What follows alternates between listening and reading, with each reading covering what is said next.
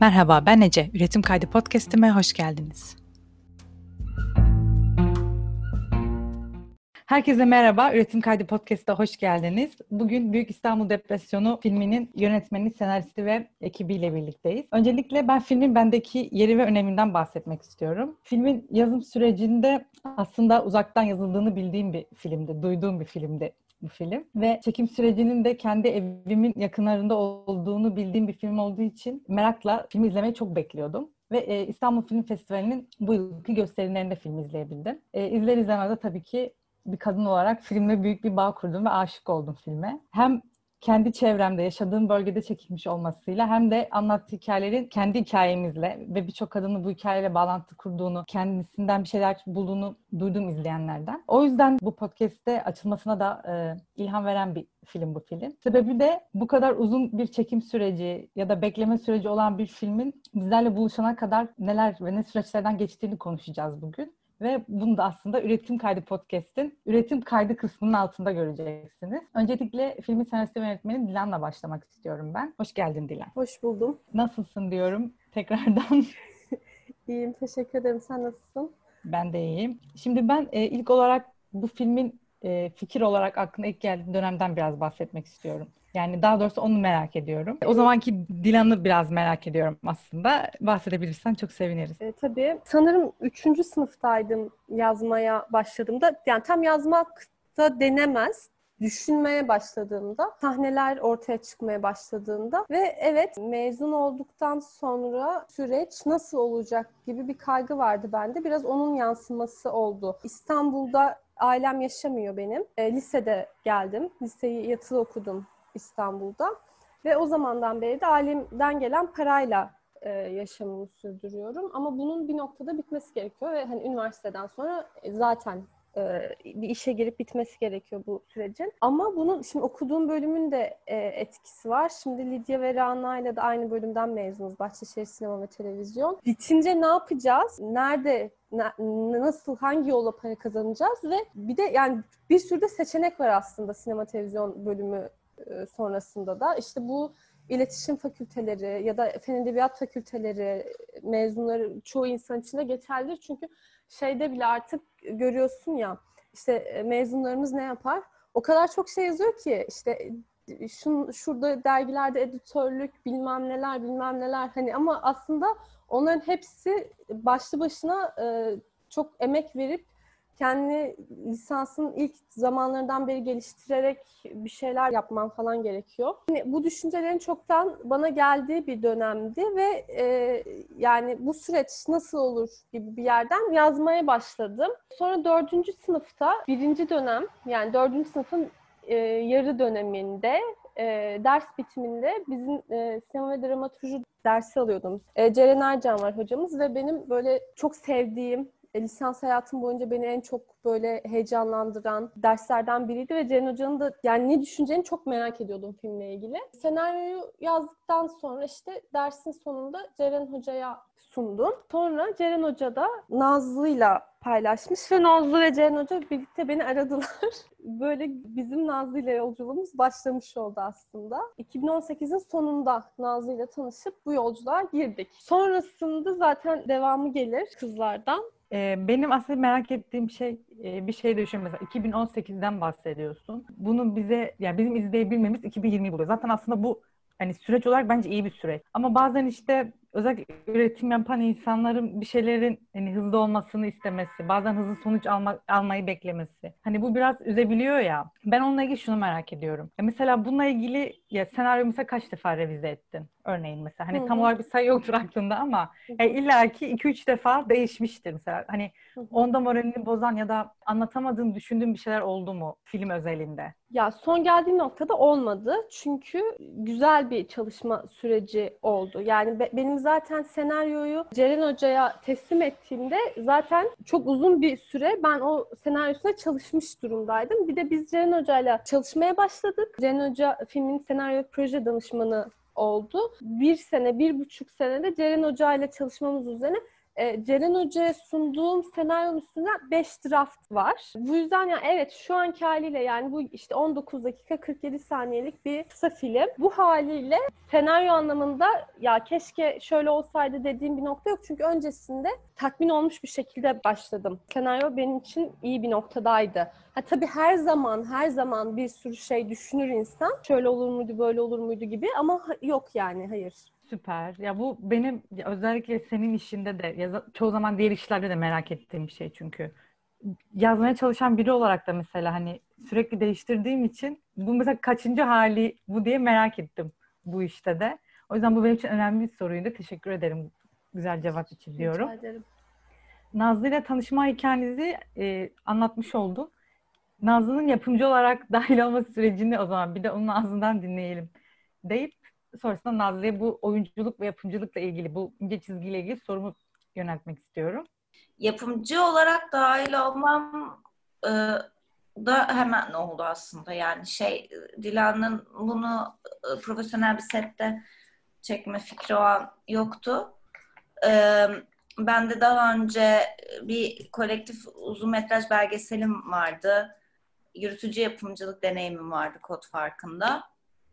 Ee, ve yapıma da aslında devam etmek istiyordum yani hala ilgim vardı. Ee, çok bana değen bir hikayeydi ve yani vaat ettiği sinematografi de beni çok heyecanlandırmıştı. O yüzden ben olabildiğince işte yani ne yapabilirsek ya filmin ne ihtiyacı varsa o sağlanabilsin istedim. E, bununla tanışır tanışmaz söyledim açıkçası Dilan'a. O da bunu sağ olsun kabul etti. Sevindi ve bu şekilde başladık aslında. Sonra zaten Fongogo süreci de var aslında. O da çok ümit veren bir şey. Fongogo'nun kendisi de öyle. Evet. Filmlere böyle bir alan sağlaması Fongogo'nun da öyle. Sizin Fongogo süreciniz de çok başarılı ve güzel geçti bence. Ben en azından öyle gözlemledim bilmiyorum ama tabii sen, aynen sancılı da olmuştur kesinlikle. Çünkü o son iki gün özellikle hani Fongogo'da e, hedeflenen miktara ulaşamayınca hani biriktirdiğini de alamadığın için e, o son iki gün çok gergin geçtiğini tahmin edebiliyorum, hissedebiliyorum ama yine de böyle bir imkan olması da güzel bir şeydi bence. Yani. ben şey merak ediyorum. Şimdi yapımcı olmanın verdiği bir gerginlik var aslında. İş, yani çünkü bir proje olarak hani bakıyorsun. İç, işin içinde yazan ve yöneten olmadığın için. Ama sende hani hem yapımcılık ve hem oyunculuk olduğu için sen Instagram'da bir postun altında gördüm aslında bununla ilgili bir e, setteki ilk gündeki hislerini ama hani onu çok merak ettim. Hani o dengeyi nasıl kurabildin? Çünkü o büyük bir stres ve büyük bir gerginlik veriyor üzerine. Ama oyuncu olarak da tam tersi tamamen karaktere ve oynayacağın şeye odaklanman, senaryoyu düşünmen gerekiyor. Ama yapımcı olduğun için düşündüğüm başka şeyler de oluyor arka tarafta. Hani o dengeyi kurabildiğini düşündün mü, kurdun mu ya da ne, ne kısımlarda zorlandın bunu merak ediyorum ciddi anlamda. Evet çok doğru bir soru. Çok şey bir ikilem çünkü. Ee, çok zor bir şey. Gerçekten Rana ile Lidya olmasaydı yapamazdım. Mümkün değil. Mümkün değil. Ee, Dilan'la çok tartıştık biz bunu tabii ki setten önce. Ben böyle yani başkası mı oynasa ben yapımdan çekilebilir miyim? Nasıl yapacağız olan yani çok gerçekten çok zordu. Yani şöyle bir anımız var. Ben bunu bir iki de böyle yani seviyorum anlatmayı çünkü çok komik. Yani setup değişiyor son gün galiba. Hani bana hiç bu arada Ranelli'de hiçbir şey sormadılar, söylemediler. Ben tamamen hani o konu aşırı şanslıydım. Hani hiç şey bak sadece öyle sıkıştıkları bir an vardı son setkini.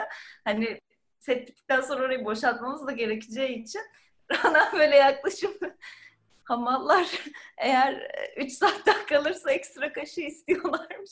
Ne yapalım dedi. Ben de böyle öyle oyunun içindeyim. Kübra ile ağlıyoruz, koşuyoruz, bir şeyler yapıyoruz. Böyle yaptım Bitirip yollayın. Veremeyiz. Ama aynı böyle duygu halinde. Ya. Ee, gerçekten bir tek bu oldu. Onun haricinde e, tabii ki şey oluyordu. Yani üç günlük setimiz vardı bizim ve set bittikten sonra işte bir yarım saat, 40 dakika bir toplantı alıp ne yapıyoruz, ne kadar naktimiz var. Yani biz tabii riskli bir şey yaptık. Fongogo normalde insanlar bitirirler, öyle sete girerler. Ya da işte o post içindir. Ee, biz biraz borçlanma usulüyle set varken e, Fongogo'yu şey yaptık. Bu da ekip e, takvimlerin uyması sebebiyle böyle oldu. Bir de TN yapımın varlığı ve sponsorlarımızın varlığı vardı. O yüzden mümkün oldu. Fongogo çok çok iyi bir platform. Diğer çünkü alternatifleri de hep dolar ve euro üzerinden olduğu için o da bizde çok değişken olduğu için İnsanlar çok tercih etmiyorlar. Ve çok ilgiliydi gerçekten Fongogo'da yani. Çok iyi bir işleyen bir sistem var orada gerçekten. Çok fazla filmde zaten.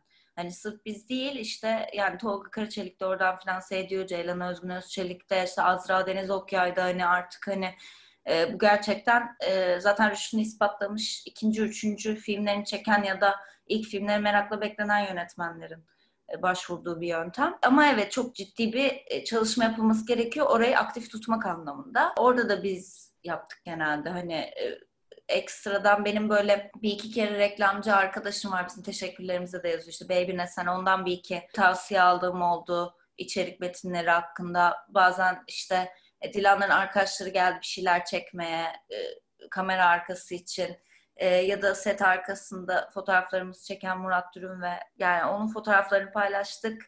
Hani böyle şey e, olabildiğince orayı canlı tutmak gerekiyor. Turgay set arkası videolarımız çekiyor. Turgay Nergis onun videolarından Rana Lidya bir yandan böyle set biter bitmez bir backstage videosu çıkarttılar. Yani şey e, orayı aktif tutmak çok önemli. Onu da set varken yapmak e, iyice zorlayıcı. Ama güzel de aslında bu tempo bizi böyle ay nasıl yapacağız gibi bir şey değildi. Hani iş böyle geldikçe o, onu böyle şey devam ettirmemiz gereken bir motivasyondu yani bizim için. Güzel bir ruh haliyle geçirdik ya seti. Hani zor da olsa ben gerçekten böyle hani minnetle anıyorum gerçekten o süreci. Ya çok güzel olmuş. Çok şey yani setin o kadar gergin geçmemesine de hani ben mutlu oldum kendi adıma. Çünkü zaten ekip ruhu öyle bir şey. Hani o orada o gerginliği ekipçe hep aşabiliyorsun ama hani hem ilk film olmanın verdiği şey yani ister istemez böyle bir yani bir gerginlik hissediliyordur bence. Hani ben kendi filmim değil mesela arkadaşlarımın filmlerine hep yardıma gittiğimde vesaire hani o şey hissediyordum. Hadi ben bile hatta geriliyordum. Nasıl yapacağız, nasıl edeceğiz diye. Ben genelde evet, işte... hiçbir zaman... Ay çok pardon kestim. O anlamda bir gerginlik hiçbir zaman bizim sette olmadı. Bence o da çok şey bir şey. O hissi biliyorum. Yani böyle ortada bir problem olmasa da akan bir gerginlik ve e, böyle bir yani ay bitse de gitsek havası olabiliyor. Çok böyle işi severek başlasa da insanlar. Biz ne kadar büyük bir zorlukla karşılaşsak karşılaşalım. Bütün ekip yani oradaki işte 30 kişi neredeyse. Ee, onunla beraber hareket ediyor oldu. Onu alıp tamam falan. Hani çünkü e, kamera ekibinin de işte set ekibinin de bir şekilde çok onun ruhuna girdi hikayenin. O bence çok güzeldi. O yüzden biz kayıt anda o, o bitiyordu yani. Bu oyunculuk sıkışmasında da öyle. Teknik bir sorunda da öyle. Bambaşka dışarıdan gelen bir problemde de böyle. Yani mesela şeyimiz bozuldu. Fokus cihazımız. Ve seti durdurmamız gerekiyor herkes böyle telefonlara sarılıp onu arayıp falan böyle tamam yani böyle o gerçekten o kolektif ruh hani e, geçti ekibe. Ya ben şey de söylemek istiyorum araya girip bana şey gibi de geliyor şimdi senin de başta belirttiğin gibi benim bu ilk profesyonel setimde ama gerçekten öncesinde bence iyi bir ekip kurmuşuz. Ben bunu düşündüm. Yani yönetmen yardımcımız, e, aynı zamanda ortak yapımcımız şimdi Merve Toz, Görüntü yönetmenimiz Deniz Eyüboğlu, sanat yönetmenimiz Mecra Yazıcı, makyözümüz ve saç Esma Keskin, kostümde Elif Tamaliç.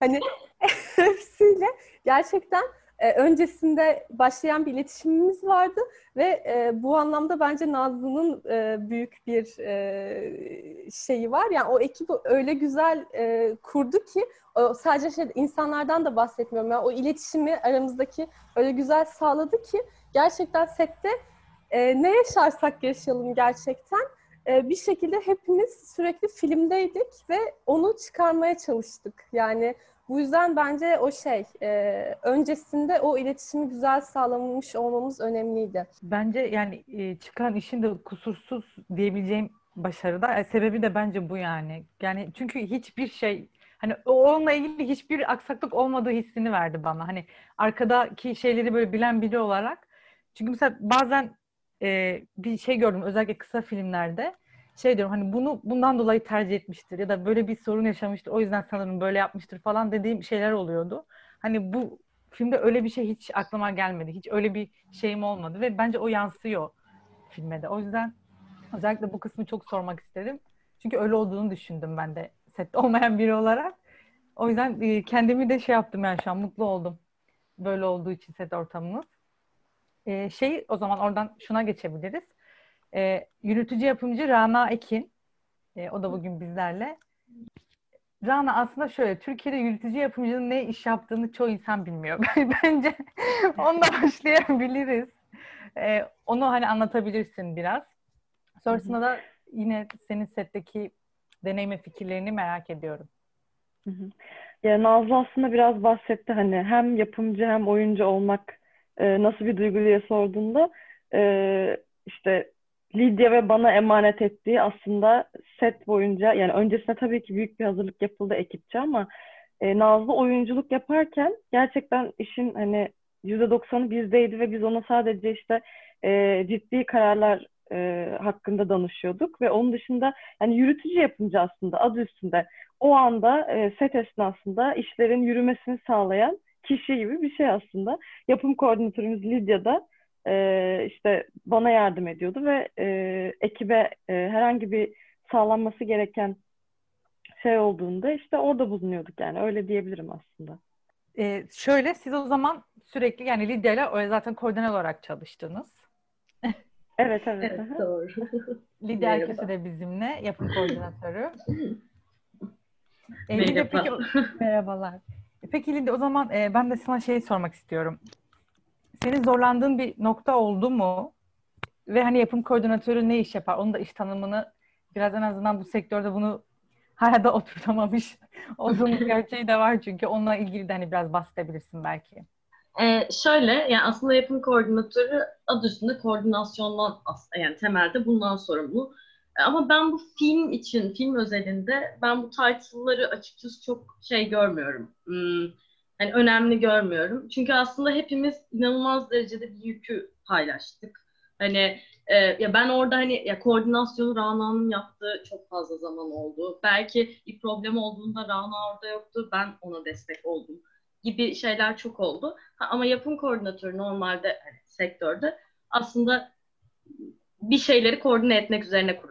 Hani e, hangi araçla hangi ekipman gidecek, gelecek, kim nasıl gidiyor, geliyor sete, yemek kaçta, nerede verilecek gibi gibi aslında bütün bunların koordinasyonu hani yapım koordinatöründedir.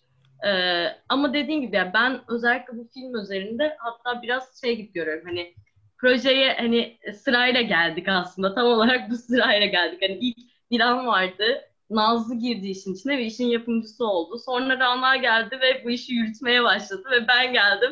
Ben de başka bir yerden destek oldum falan gibi. Aynen bu sırayla geldik aslında biz. Ee, ve hani e, böyle temel olarak. zorluk dersen ya ben açıkçası ben de çok ciddi bir zorluk yaşadığımızı düşünmüyorum. Hatta ya bence set çok aktı gibi hissediyorum. Yani Nazlı'ya mesela bir şey gitmemesinin en büyük sebeplerinden biri de gerçekten neredeyse hiç problem yaşamadık. Kimse gelip de hani hani bu niye böyle falan demedi yani sette. Hani veya kimse hani niye hala buradayız demedi. Çünkü herkes sadece bu işin hani olabilecek en güzel şekilde çıkmasına odaklıydı. Ee, öyle. tamam teşekkür ediyorum. Ben şey soracaktım. E, set pozitifin e, aslında sürece dahil olma kısmı nasıl ilerledi ya da nasıl oldu? Ya ben yanlış mı biliyorum? Sponsorunuz evet, sponsorunuzdan evet. biri değil mi? Evet. Nail abi oranın şey yani sahiplerinden ve bitenlerden biri. E, zaten benim bir önceki bu yürütücümcünün yaptığım kısa filmde de e, sponsordu. O en şey kısmıydı aslında pürüzsüz. Çünkü onlar hani onu film çekecekler de e, şey yapsın yani kulaklarını küpe etsin. E, set malzemelerini de yani olabilecek her türlü yardımda e, zaten genç sinemacıların yanındalar ve bunu da lanse de ediyorlar. Onlara sadece senaryo ve proje dosyası iletmek yeterli. E, çünkü biraz daha imkanları olabiliyor. Yani takvim uyduğu sürece olabilecek malzemeyi e, sağlayabilecek e, kuvvetleri var büyük bir şirket. E, kamera gibi daha nasıl diyeyim daha büyük şirketlerin bile elinde çok sayılı ekipman bulunan konularda e, biraz daha sıkıntı yaşanabilir bu sponsorluk konusunda. E, orada da e, biz şanslıydık. O da Ali Can Cesoy'un ortak yapımcılığı vasıtasıyla oldu. Bizim kamera ekipmanlarımız da tamamen sponsorlukla bizimleydi. E, set pozitif çok şeydir ama e, gerçekten orada bizim mesela set amirimiz de inanılmaz ekiptendi ve e, çok gerçekten ne gerekirse oradaydı. E, işlerinde çok iyiler gerçekten. e, çok yaratıcı çözümleri çok kısa sürede üretebiliyorlar. Çok büyük filmler çektikleri ve çok büyük reklamları çektikleri için muhtemelen de. O yüzden onların ekibinin bir sette olması her zaman çok şey avantajlı bir durum yeni ekipler için. Bu kredi meselesiyle ilgili de şeyi ekleyebilirim. Bizde e, aslında evet bir yandan Lidya'nın söylediği gibi e, şu, şu anlamda önemli değil. Bizim bir ekibimiz tam olarak yok. Ekip bu. Yapım ekibi bu. E, yani normalde bir sette yani onların altında insanlar olması gerekiyor Rana ve Lidya'nın. E, bizde o yoktu. Bize sadece TN yapım e, yardımcı olması için prodüksiyon amirimizi yönlendirdi. O da zaten işi yürütücü yapımcılık. E, ama bütün finansal ve organizasyonel bütün inisiyatif hem aktif olarak hem de e, karar merci olarak Lidya ve Rana'daydı. O yüzden aslında biz de hem bahsedemiyoruz hem de bahsediyoruz. Evet yani hani bunun ne, neyse e, o olmasına da ben önem veriyorum. Bu arada mesela yürütücü yapımcı aslında işe para da getirebilir. Yani line producer olarak geçen şey. E, bu anlamda da aslında yaptık çünkü e, bizim çok kısıtlı bir bütçemiz vardı. Çok kısıtlı bir nakit akışı vardı. E, onu aslında eksiye düşürmediği her an Rana'nın e, işe para da getirmiş oluyordu. Çünkü işin devamı ve borcu e, aza inmiş oluyordu. Ve bu da e, çok ciddi bir yetenek ve beceri yani. Bunu nasıl yaptıklarını bilmiyorum. Biz eksiye inmek gibi bir şey söz konusu olmadı. E, inanamıyorum nasıl olmadığına yani böyle bir şey. Biraz imkansızı başarmış olabilirler. Çok iyi. Yani çok sevindim böyle olmasın o zaman. Yani demek ki yani şey olabilir hani böyle e, adımlar ve koordinasyon çok iyi olduğu için belki de hani çok büyük de bir sorun çıkmadığı için böyle bir şey olmasına gerek olmadı. Bu da e, belki de hani beklemenin gerçi çok beklememişsin sen zaten ama hani bir şeylerin doğru zamanda olduğunu hani göstermiş. Güzel bir nokta bence. Filmin kendisiyle ilgili birkaç sorum var ama ondan önce e, afişle ilgili konuşmak istiyorum.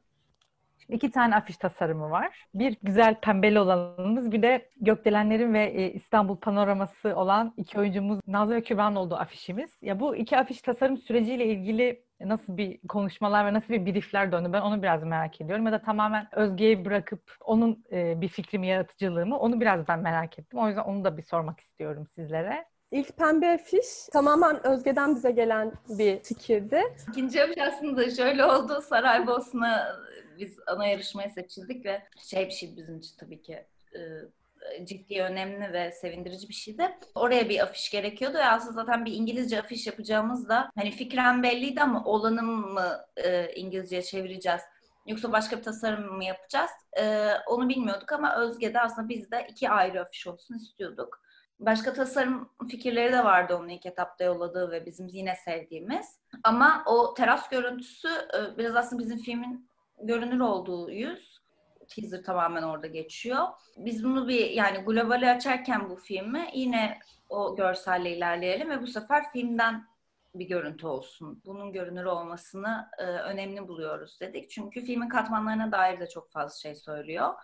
Bir filmden görüntü de da, evet daha klasik bir yöntemdir ama sinema afişlerinde çok kullanılan bir şey. E, tabii o onu e, tasarımla çok gerçekten harika bir hale getirdi. Çünkü normalde işte o kadar e, görkemli durmuyor kadrajdan ötürü. O gökyüzünü büyüttü, gökdelenleri büyüttü. E, işte yazısı geldi. Yani bunların hepsi çok incelikli fikirler. Biz gerçekten Özge ile çok yoğun çalıştık. O aynı zamanda sırf afişi değil, filmin şeyini de yaptığı için. E, tipografisi demek galiba. Yani bütün görsel tasarımını yaptı, yaptı aslında ve animasyonunu onun e, bu ruja benzeyen Büyük İstanbul Depresyonu görüntümüz de onun böyle çok uzun süreler çalışarak e, bize getirdiği kendi bir fikirde. Biz sadece pembe olmasını ve senaryoda yazan ekranı kaplaması önemliydi bizim için ki o da zor bir şey. Yani bir sınıf filminde bir an bütün kadrajı dolduracak şekilde gelsin filmin title demek zaten başlı başına çok iddialı bir şey. Özge yani zaten işinde Türkiye'deki en e, herhalde başarılı insan. Yani şu anda Kristal Elman'ın işte e, jüri başkanı uzun yıllardır İKSV'nin Biennial'in bütün tasarım işlerini yönetiyor.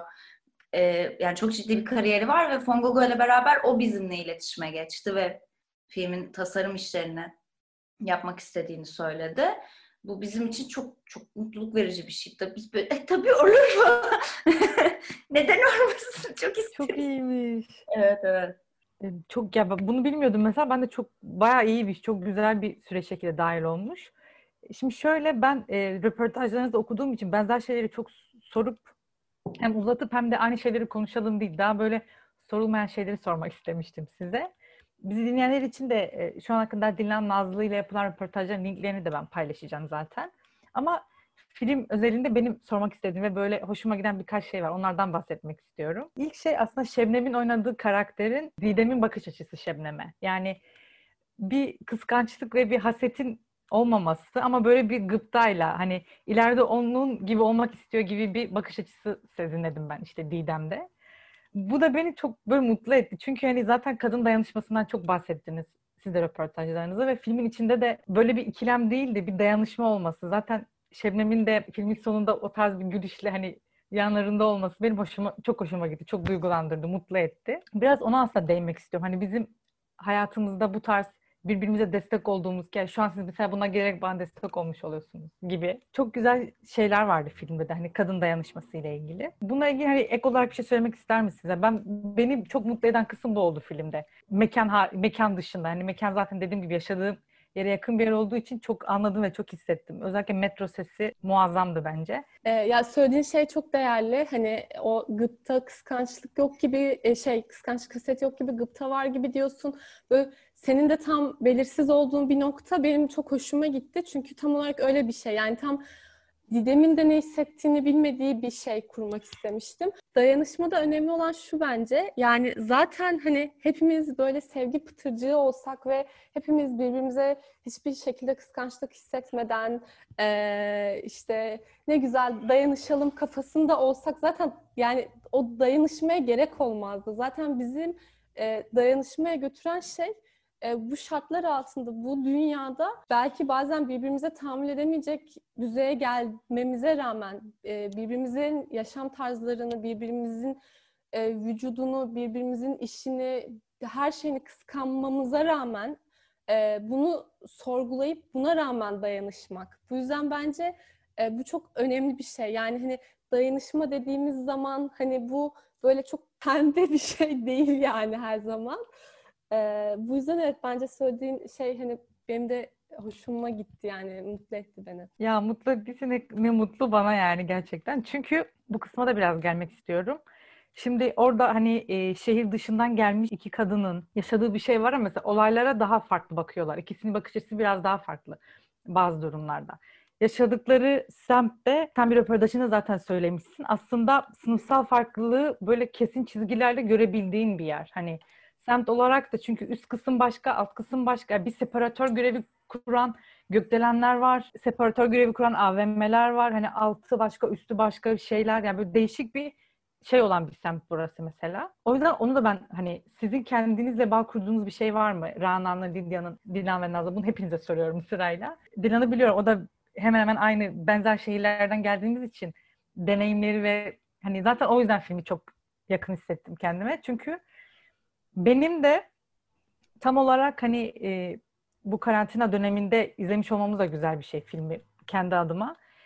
Tam olarak hani bir şey üretemedim şu, şu, şu zamana kadar e, karantinadan önce ciddi bir karar alıp böyle bir şeyleri yoluna sokacağım bir süreçteydim ben de. Onun olmayacağı ortaya çıktı. Hani karantina ve bu dünyadaki pandemiden ötürü. Ve hani böyle şey oldum. Bunu anlatıyor. Hani kendimizi anlatıyoruz. Yakın bir yakın hani kendime yakın bulduğum bir şey anlatılıyor. Ama bunu anlatma biçimi ve hani anlatan kişi de aslında bununla bir üretim yapmış oluyor. Hani bunu kırmış oluyor. Bu bu paradoks çok iyi bence. Hani beni de, ciddi, dediğim gibi ciddi anlamda böyle yerinden kaldırdı. Ben ne yapmak istiyorumu hatırladım. Niye İstanbul'a gelmiştiğimi hatırladım. Ee, ve peşi sıra böyle bir sürü şey oldu. Hani bunu izledim, peşine Bartu beni tekrar izledim. Ve böyle böyle sürekli böyle hani peş peşe bir şeyleri izleyip duymak hani kendimle ilgili de böyle birçok şey yüzleşmem ve hani dediğim gibi harekete geçmemi sağladı. Hani o yüzden dedim podcast'te ilham veren ve hani böyle iten şeylerden biri bu filmin kendisi oldu ve size o yüzden böyle konuk almak benim için çok önemliydi. Tekrar teşekkür ediyorum buradan geldiğiniz için. Ee, Yani yani peki biz teşekkür ederiz. Yani çok aşırı güzel şeyler söylüyorsun şu an bizi, Ya, bizi aşırı mutlu eden hani e, film böyle bir şey yaptıysa zaten hani biz ne diyelim çok mutluyuz. olun olun mutlu hiç. Mutlu olmak da çok güzel bir şey. Artık Biz ondan da böyle şey olduk. Çekinir hale geliyoruz bazen. Evet. Mutlu olmak da çok güzel bir şey diyorum. Ben bu e, mekanla ilgili bir şeyler söyleyebilirim. E, set esnasında ve şu an hala e, çok yakın oturuyorum, oturuyordum e, mekana. Hatta şu an Safir'in dibinde oturuyorum ve o görüntüyü gerçekten çok net anlayabilen insanlardanım.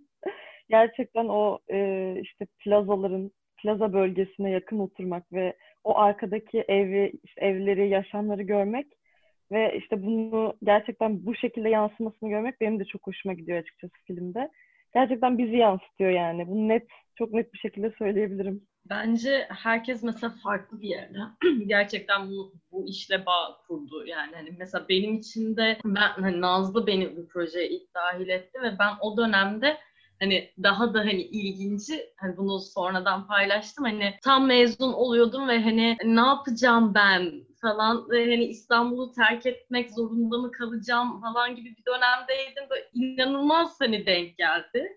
Senaryoyu okudum ve dedim ki hani ben kesinlikle bunun içinde olmak istiyorum. Ve hani bir süre daha burada kalmam için de bir bahane olacak. Bundan sonra belki bir şeyleri göreceğim falan filan. Ve hani şu an hala buradayım. Hala İstanbul'dayım. Hala hiçbir yere gitmedim. Ve e, hani bana bunu hatırlattı. Yani hani e, o yüzden benim için mesela ya yeri çok başka yani. Hani gerçekten hani işin içine girmekle beraber hani tam olarak hani böyle ilahi bir şekilde o döneme denk gelmiş gibi hani ee, ve hani o senaryo gerçekten senaryo okuduğumda hani çok çok inanarak zaten ben hepimiz için bence bu geçerli. Hepimiz çok inanarak bu işe başladık yani. Nazlı sen bir şey söylemek ister misin? Evet bana da öyle oldu. Ben de ben de İstanbul'dan gitsem ben yeni mezun değildim. Ben mezun oldum 2015'te direkt e, oyun atölyesine görünüş oyununa başladım. Dolayısıyla aslında benim için tam tersi çok umut dolu bir süreçti mezuniyetin hemen ertesi. E, ama şey bu hayatını ekonomik olarak kazanmak anlamında değil tabii yani tiyatrodan öyle bir şey olmuyor. E, ama e, e, yine de para kazanıyorsun. E, hayatını idame ettirecek full bir şekilde olmasa da e, para kazanıyorsun ve manevi olarak beni çok besleyen ve çok öğretici bir süreçti. E, sonra bir film çektim, Karda oynadım. İşte bir dizide oynadım. Hani her şey çok güzel gidiyor. Bir anda hepsi bitti. Yani 2017'de hepsi e, tamamen bitti ve e, hemen arkasından ya, ülkede çalkantılı döneme girdi. Ben yani bayağı böyle şey yani hani şöyle bir düşüş yaşadım ya gerçekten.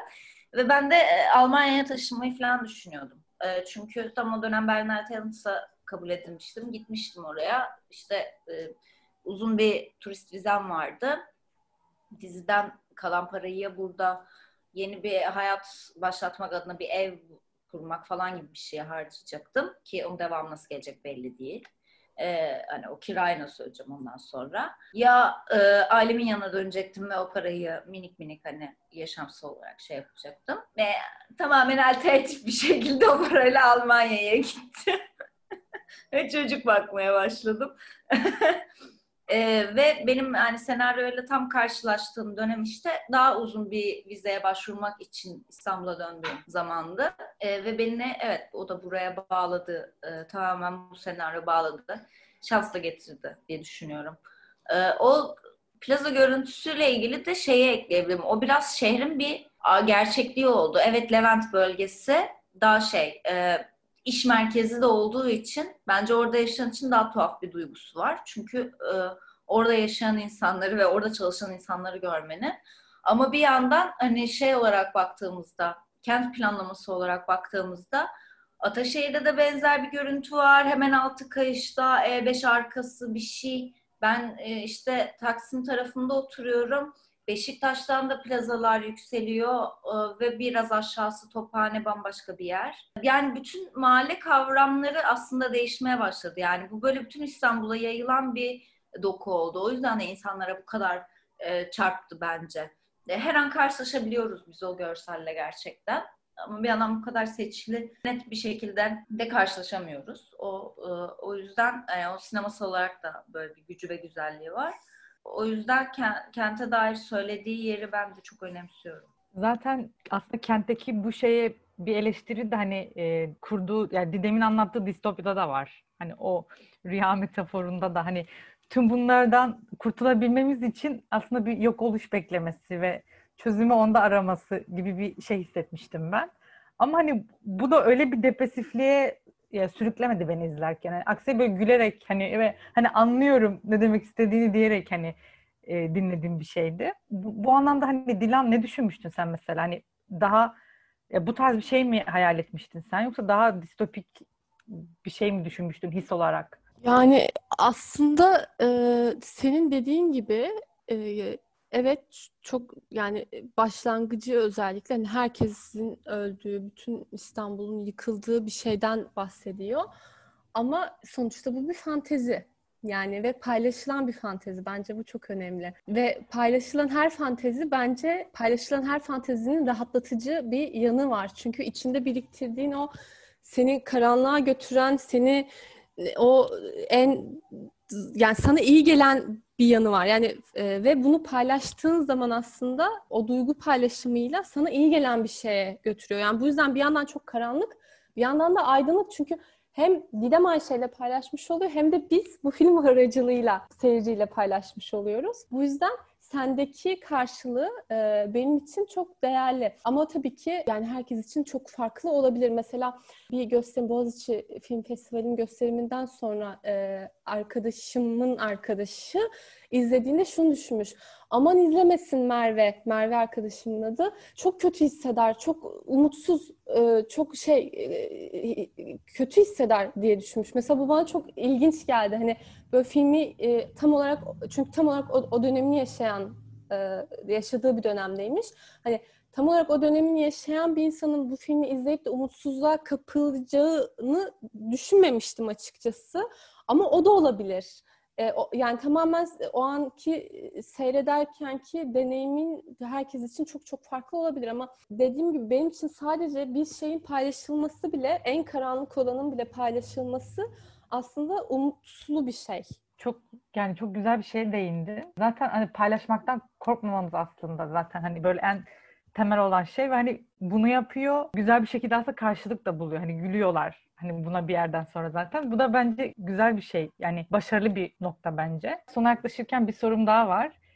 E, filmin müziklerinde gördüğüm kadarıyla Okan Kaya ile çalışılmış. Yani Okan Kaya benim çok sevdiğim bir isim olduğu için görünce böyle falan oldum. Yani inanamıyorum nasıl ya falan diye. Hani onun süreci dahil olmasını çok merak ediyorum o yüzden.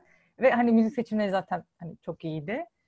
O müziklerle hani film arasında kurduğumuz bağ oraya oturtmanız hani onu biraz konuşmak istiyorum. Okan aslında Ceren'in de bir önerisiydi. Tam o dönem Seni Seviyorum Türkiye, Ceren'in oyununun BBT'deki e, müziklerini yapıyordu ve filmin ruhuyla çok e, ilişkili olabileceğini söyledi. Evet. Teaser'ın sesini de Okan yaptı.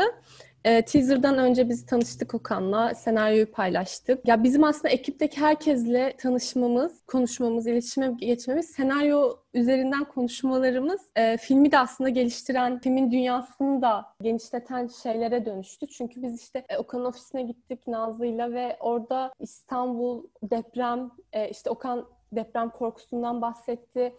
E, kuracağımız ses dünyasının nasıl olacağı, senaryo ile Okan'ın kurduğu bağ, e, bunları konuşmak, e, o üretim sürecinde hep birlikte giden şeyler oldu. Sesleri de Fatih Rabet ve Eli Haligoa yaptı. Ses tasarımından bahsetmişken ben şey hani başta yine söylediğim bir kısımda ama hani böyle metroya yakın yerlerde oturan insanların hani aslında altından metro geçtiği gerçeğiyle hani bazen böyle hani e, distopik olarak ya da hani gayipten böyle metro sesini duyuyormuş gibi hissetmesi şeyini verdi bana hani o ses tasarımları. Hani o anda onu andığı için buna söylemek istedim. O da yani çok başarılıydı ve mesela benim beklemediğim bir şeydi. Yani o metro sesi duyduğum zaman böyle durdurdum. Şu an artık online'da izlediğimiz için hani sinemada izleme şansını bulamadığım için filmi. Durdurdum ve şöyle attım. Filan bunu nasıl ya nasıl falan oldum böyle yani ilk böyle duyduğumda. O bence çok farklı bir noktaya götürdü filmi. Ben öyle düşünüyorum kendi adıma. O yüzden ses tasarımından da bahsettiğin için teşekkür ederim. Mesela o benim sormaya atladığım bir şeydi. Evet. E mesela şey geldi aklıma. Filmin adının çıktığı yerde Okan'ın seslerini, e, müziğini yaptığı, İstanbul sesleriyle bir ses tasarımının oluşturulduğu yerde aslında e, şöyle bir his uyandırmak istiyordum. Orada Didem ve Ayşe'nin İstanbul'a karşı bir mücadelesi var ve bu mücadele e, işte şehir hayatında şey bir mücadele değil.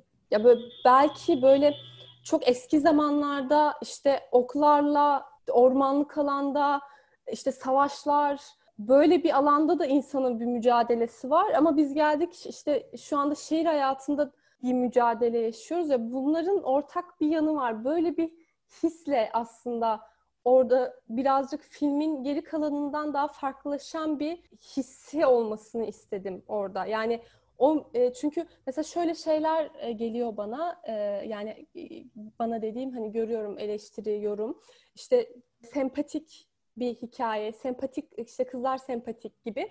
E, mesela bu benim çok hani aşırı beklediğim bir şey değildi. Çünkü bana aslında çok sempatik bir yerden özellikle bir biçim ya da özellikle bir performans kurmaya çalıştığım bir şey değildi. E, bunu hali hazırda zaten yani o kızların sempatikliği, e, tatlılığı benim özellikle kurmadığım, özellikle oluşturmadığım bir şey olmamasına rağmen böyle şeyler gelmesi e, ben de işte dediğim gibi e, acaba sadece genç kadınlar e, oldukları için mi böyle algılanıyor e, gibi bir düşünce uyandırdı. E, oradaki e, şehre karşı verilen mücadele aslında çok sert. Hepimizin içinde çok e, zor yaşadığı şeyler ve bunun aslında ne kadar sempatik bir yanı var ve bunun ne kadar e, cinsiyetle alakalı ve ne kadar imajla alakalı. Mesela neden pembe? Onu soracaktın neden pembe diye ben gelmiş getirmiş oldum kendim. E, çünkü sonuçta şu bir gerçek ki işte pembe kadın rengidir. Algıdan bahsediyorum. Yani e, yeni yeni işte erkek kıyafetlerinde pembe e, görüyoruz. Kız bebeklere pembe e, işte erkek çocuklara, erkek bebeklere mavi. E, ya bu çok net bir ayrım ve hani biz bunu ne kadar hayır biz böyle yaşamıyoruz gibi algılasak ve ne kadar o cinsiyet kalıplarından kendimizi e, uzakta görsek bile bu yaşadığımız dünyanın gerçeği. Yani şöyle bir şey anlatayım mesela. Ee, kardeşimle böyle filmden çok daha önce oturuyorduk ve işte önümüzde bir tane kurşun kalem var böyle arkası silgili. Afişin pembesi bir pembe. Ee, kardeşim böyle kalemi aldı dedi ki Bence bu kalem çok feminist bir kalem dedi. Ben hani ne? Nasıl hani dedim. Kardeşim dedi ki çok feminist bir kalem bu bence çünkü pembe ve pembe olmasından utanmıyor dedi. O beni çok etkilemişti. Yani e, ya burada asla şöyle bir şey söylemiyorum. Hani zaten biz pembeyiz, e, pembeliğimizden utanmayalım gibi bir şey değil. Ama sonuç olarak e, ben mesela küçükken hatırlıyorum pembeyi sevmemenin ve maviyi sevmenin daha cool olduğunu düşünüyordum. Ee, aynen bunun gibi e, o renklerle yani pembeyle bizim e, kurduğumuz ilişki bile onu dışlayarak oluyor. Yine cinsiyet kalıplarıyla alakalı olarak. Hani e, bir şeye karşı çıkarken bile bir şeyi dışlayarak oluyor ama sonuç olarak bir toplumsal gerçeklik var ve biz kadınız ve bize dayatılan bazı şeyler var. Biz bunun ne kadar dışına çık- çıkmaya çalışırsak çalışalım. E, biz bunu kıramıyor muyuz acaba? E, filme gelen e, bunu bu, bu arada hani filme gelen eleştiriler ya da yorumları sevmediğim bir yerden söylemiyorum. Değerlendirdiğim bir şey bir yerden söylüyorum. Bence çok değerli şeyler bunlar. E, ama işte bu sempatiklik, bu e, onların mücadelesinin e, tam olarak e, ya ne yaşıyorlar ki? Bu depresyon onları ne sürükledi ki? Çünkü bunu da duydum. Hani e, bu tarz gelen şeylerle aslında o pembenin ne kadar doğru bir seçim olduğunu da anladım. E, evet yani bu pembeyle ilgili mevzu zaten şeyi hatırlıyorum ben de. İşte çocukluğumuzda en sevdiğin renk sorulduğunda pembe dememek e, böyle kızlar arasında şeydi sanki böyle pembe değil kırmızı tamam mı falan hani böyle bir şeylik vardı dediğini hatırlıyorum ben de. Bu anlamda hani afişte de bunun olması bence de bir farklı bir duruş katıyor. Yani ben de demek istediğini anladım ve hani buna hak da veriyorum. E, teşekkür ediyorum. Bayağı konuştuk. Sona da yaklaştık artık. E, podcast'i dinleyenlere de dinledikleri için teşekkür ederiz. Umarız keyif almışlardır. Dediğim gibi bu e, benim daha çok kendim kendi e, kafamı kurcalayan şeyleri sorduğum bir yerde ama filmi izleyenler ve izlemek isteyenlerin de belki kafasında oluşabilecek sorular olduğu için iyi bir nokta olacağını, iyi sorular sorulup cevap aldığımı düşünüyorum açıkçası. E, bir sonraki podcast'te görüşmek üzere diyorum.